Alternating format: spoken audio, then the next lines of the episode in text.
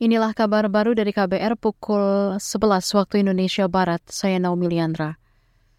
Pemerintah Indonesia dan Uzbekistan akan membahas peningkatan hubungan kerjasama terutama di bidang ekonomi. Juru bicara Wakil Presiden Mas Duki Baitlowi mengatakan Uzbekistan mendorong pemerintah Indonesia membuka penerbangan langsung dari wilayahnya langsung ke Jakarta. Selain itu, mereka ingin Indonesia mengeluarkan dokumen izin masuk sementara ke tanah air untuk warga negaranya kita juga uh, akan merespon keinginan keinginan-keinginan dari negara Uzbekistan itu tentu saja seperti apa nantinya akan kita rembuk bersama-sama dan bagi Indonesia tentu saja kepentingannya adalah, adalah kepentingan uh, ekspor ya terutama saya kira berhubungan dengan minyak kelapa sawit dan turunannya dan yang lain-lain. Juru bicara Wakil Presiden Mas Duki Baidlowi menambahkan kunjungan Wapres Ma'ruf Amin ke Uzbekistan dilatar belakangi atas sejarah panjang negara tersebut dalam bidang keagamaan, keislaman, dan sains. Karena itu, pemerintah juga membuka peluang kerjasama religi antar kedua negara. Beralih ke informasi lain, Badan Meteorologi, Klimatologi, dan Geofisika BMKG menghimbau masyarakat pesisir mewaspadai potensi gelombang tinggi di beberapa wilayah perairan hingga 14 Juni. Dikutip dari Antara, Kepala Pusat Meteorologi Maritim BMKG, Eko Prasetyo, mengatakan pola angin menjadi salah satu penyebab terjadinya peluang meningkatnya gelombang tinggi.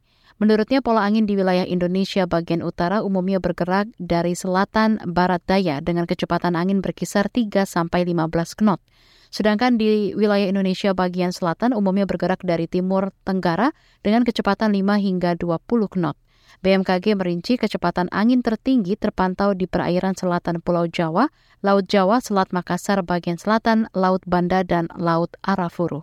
Menurutnya, kondisi tersebut menyebabkan peningkatan gelombang setinggi hingga 2,5 meter berpeluang terjadi perairan barat Aceh hingga perairan utara Jawa Timur, gelombang lebih tinggi yakni kisaran 4 meter berpotensi terjadi di perairan utara Sabang hingga perairan selatan Banten, Jawa Timur.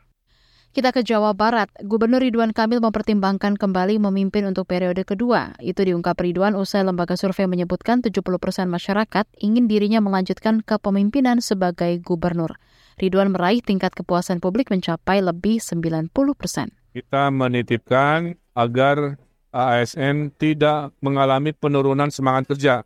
Walaupun nanti gubernurnya yang definitif sudah tidak ada, digantikan oleh penjabat gubernur ya. Yang saya tahu yang dinominasikan banyak, saya tidak bisa sebutkan, tapi poinnya siapa pun itu, yang ditentukan nanti keputusannya oleh pusat, saya titip ke ASN untuk diterima dengan baik, bekerja, etos kerjanya jangan berubah.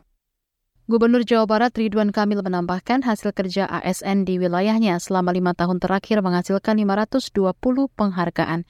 Menurutnya jumlah penghargaan itu setara dengan 520 perubahan signifikan bagi Jawa Barat. Demikian kabar baru, saya Naomi Liandra.